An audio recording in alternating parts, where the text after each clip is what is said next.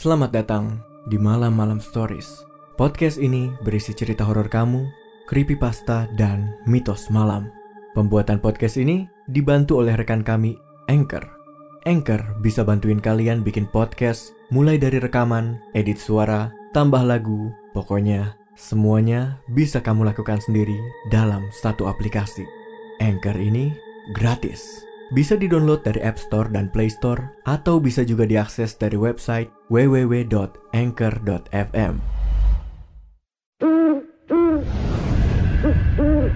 Malam-malam story.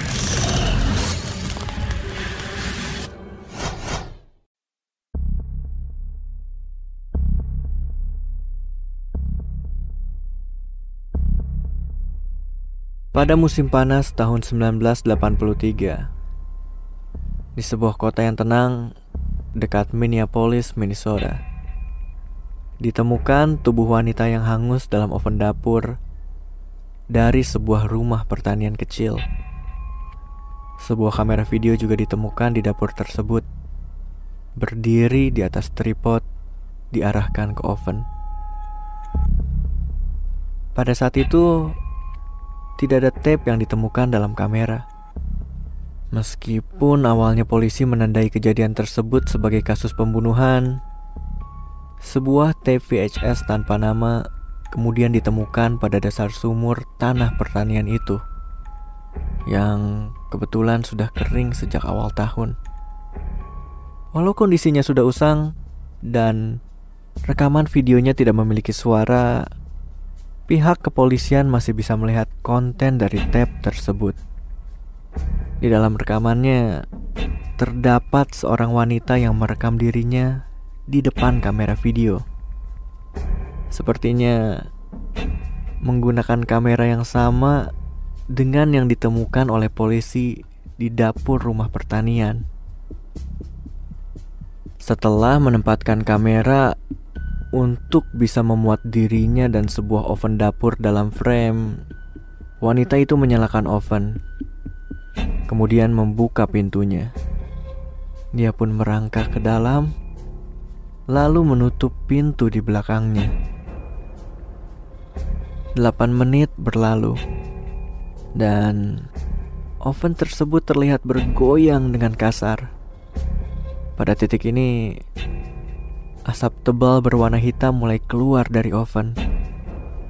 45 menit yang tersisa dalam video itu menampilkan gambar yang tetap tidak berpindah sampai baterai kamera itu habis.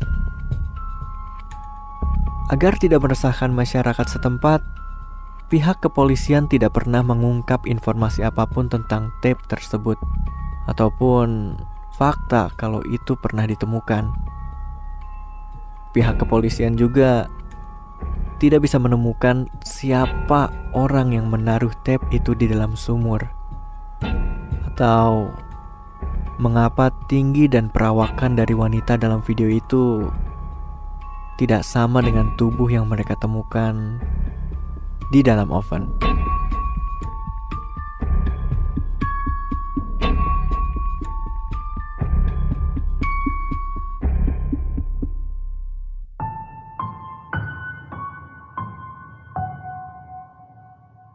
Shift kerjaku dimulai dari jam 1 malam sampai jam 12 siang. Jam 5 sore adalah salah satu waktu di mana aku tidur sebentar dan itu bukanlah waktu yang kuharapkan untuk menerima telepon dari putri tercintaku Leni. Dia tinggal dengan ayahnya, jadi aku tidak pernah benar-benar bisa melihat atau mendengar tentangnya kecuali pada waktu liburan. Khawatir dan penasaran mengapa Leni menelponku, aku pun mengangkatnya. Aku terjebak di atas pohon. Aku bisa mendengar suaranya sedang ketakutan, tapi aku juga berpikir, mungkin ini hanyalah prank yang buruk darinya. Ya, Leni memang memiliki selera humor yang buruk. Jadi, aku tidak bisa benar-benar memastikannya. Kok bisa, sayang? Ya, aku menjawabnya dengan ketus karena aku sedikit kesal. Mengapa dia tidak menelpon ayahnya saja yang mungkin masih terbangun saat ini? Cuaca di luar sedang hujan deras, jadi aku berpikir kalau aku harus cepat. Aku mengambil payungku dan bergegas menuju mobil tanpa menutup teleponnya. dia tidak banyak bicara. Tetapi aku masih bisa mendengar nafasnya di telepon. Aku pikir dia akan segera menutup teleponnya karena dia memang bukan tipe orang yang suka berlama-lama di telepon. Ya bisa dibilang itu salah satu sifatnya. Sebenarnya aku ingin tahu mengapa dia bisa berada di atas pohon. Tetapi aku ingin lebih mengeluarkannya dari sana. Aku menanyakan alamatnya dan segera berangkat. Aku ingin cepat sampai di sana karena aku tidak ingin putriku yang hanya ada satu ini ketakutan dan terjebak di atas pohon. Kemudian aku aku mulai berpikir tentang situasi ini lebih lanjut karena rasa cemasku akan astaga, putriku ada di atas pohon dan aku harus menurunkannya. Tunggu dulu. Bagaimana ibu menurunkanmu, Nak? Dia tidak menjawab. Nafasnya mulai terdengar lebih lambat dan lebih senyap. Aku takut dia sudah terjatuh dari pohon karena Leni tidak menjawab. Nafasnya yang lambat namun masih terdengar membuatku yakin kalau dia baik-baik saja. Tapi aku masih ingin mendengar suaranya lagi, hanya untuk memastikan. Bisa saja ada orang jahat yang menaruhnya di atas pohon, atau menembaknya, atau apalah, dan dia bernafas pada teleponnya. Aku menginjak gas mobilku sampai hampir melewati batas kecepatan. Leni, tolong jawab nak. Leni, tolong jawab ibu nak. Apakah apakah ibu perlu menelpon pemadam kebakaran? Masih tidak ada jawaban. Aku ingin melakukan panggilan darurat, tapi tapi aku tidak bisa menutup teleponku. Aku tidak bisa. Punya pengalaman horor? Kirim cerita kamu ke www.malamalam.com. Punya keinginan bikin podcast? Langsung download Anchor dari App Store dan Play Store atau bisa juga diakses dari website www.anchor.fm. Anchor bisa untuk edit dan upload podcast kamu. Dan yang penting, Anchor ini gratis. Akhirnya, aku pun sampai di alamat tersebut. Rasa takut, mual dan dan shock memenuhi kepalaku. Aku bisa merasakan air yang mengalir di pipiku. Namun, bukan hanya air hujan Aku melihat putriku tercinta mengenakan pakaian santainya. Dilumuri noda darah. Satu simpul terikat di sekitar leher Leni. Dan simpul lainnya terikat pada dahan pohon yang besar di mana dia terjebak. Aku menangis dan menangis. Dan aku tidak bisa berhenti menangis. Aku pun terjatuh, berlutut, dan dan mulai memukul lantai di bawahku. Mengapa? Mengapa harus putriku? Mengapa dia melakukan bunuh diri? Apakah apakah dia memang melakukannya ataukah ada seseorang yang membunuhnya? Aku memejamkan mataku selama beberapa menit untuk mencoba menahan tangisanku. Aku meraih handphoneku, berniat untuk menelpon ayahnya dan juga polisi. Kemudian, aku mendengar suara bisikan tipis dari teleponku. Itu itu adalah jawaban yang sudah lama ku nantikan. Potong talinya, Ibu.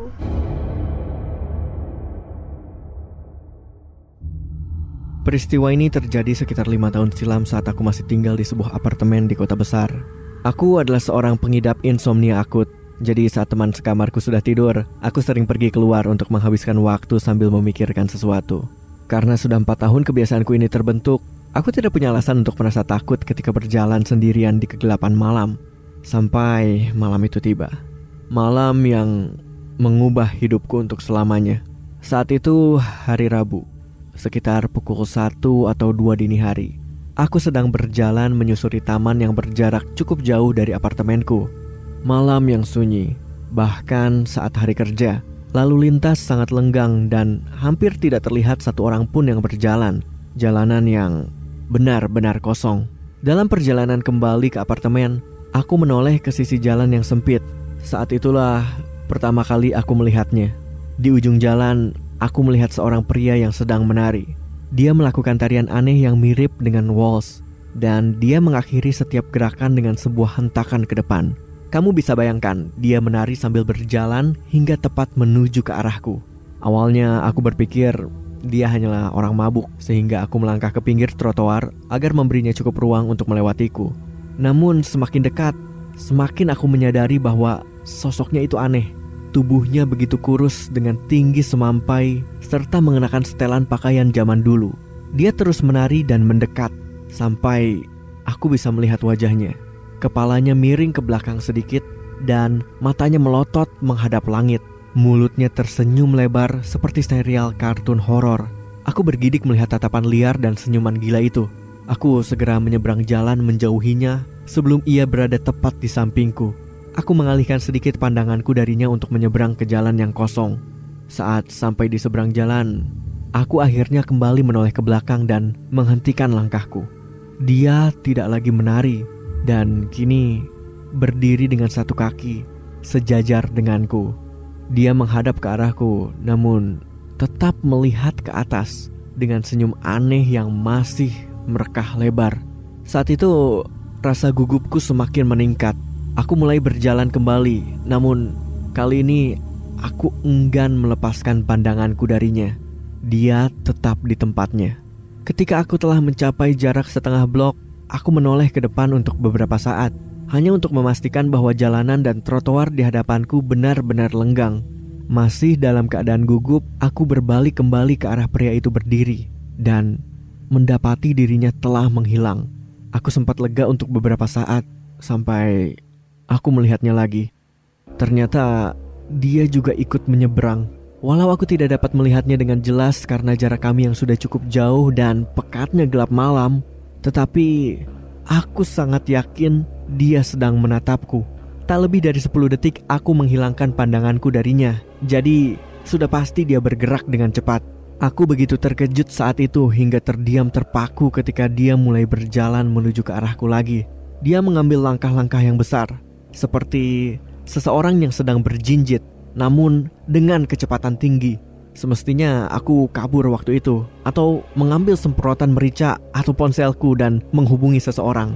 Tapi tidak, yang bisa kulakukan hanyalah terdiam membisu, menyaksikannya berjingkat ke arahku. Kemudian dia berhenti sekitar 10 meter dariku, masih dengan senyumnya dan tatapan melototnya ke langit. Ketika aku berhasil sadar, hal pertama yang ingin kuucapkan adalah apa yang kau inginkan dariku dengan nada marah mengintimidasi. Namun, yang keluar dari mulutku lebih terdengar seperti rengekan apa? Aku tidak tahu benar atau tidak kalau manusia bisa mencium perasaan takut. Namun, jelas mereka bisa mendengarnya. Ya, saat ini aku bisa mendengar rasa takutku sendiri yang malah menambah perasaan takutku. Tapi anehnya, dia tetap tidak bereaksi sama sekali. Dia hanya berdiam diri dengan senyuman mengerikan itu. Lalu, setelah sekian lama, pria itu perlahan membalikan badan kemudian mulai menari menjauh dariku. Entah mengapa, walau begitu, aku tidak melepaskan pandanganku lagi darinya sampai dia benar-benar jauh, menghilang di antara lampu-lampu jalanan yang remang. Kemudian, aku menyadari sesuatu. Dia tak lagi menjauh ataupun menari. Aku menyaksikannya dalam horor, bayangannya yang semakin membesar dari kejauhan. Dia kembali, dan kini berlari mengejarku dengan kencang. Aku juga berlari. Aku segera berlari secepat yang ku bisa menuju ke penerangan yang lebih baik, menuju jalanan yang lebih ramai. Ketika aku menoleh ke belakang, aku tidak melihatnya di mana pun. Sepanjang jalan menuju apartemenku, aku terus menoleh ke belakang beberapa kali. Masih merasakan sosoknya membuntutiku dari belakang dengan senyumnya yang mengerikan. Tapi, dia tidak pernah muncul kembali. Aku masih tinggal di kota itu selama enam bulan sejak kejadian tersebut. Namun, semenjak malam itu, aku tidak pernah lagi berjalan sendirian. Ada sesuatu di wajahnya yang selalu menghantuiku hingga saat ini. Dia dia tidak mabuk, tapi sorot matanya terlihat benar-benar gila. Dan pertemuanku dengan pria yang tersenyum itu adalah peristiwa yang sungguh menyeramkan.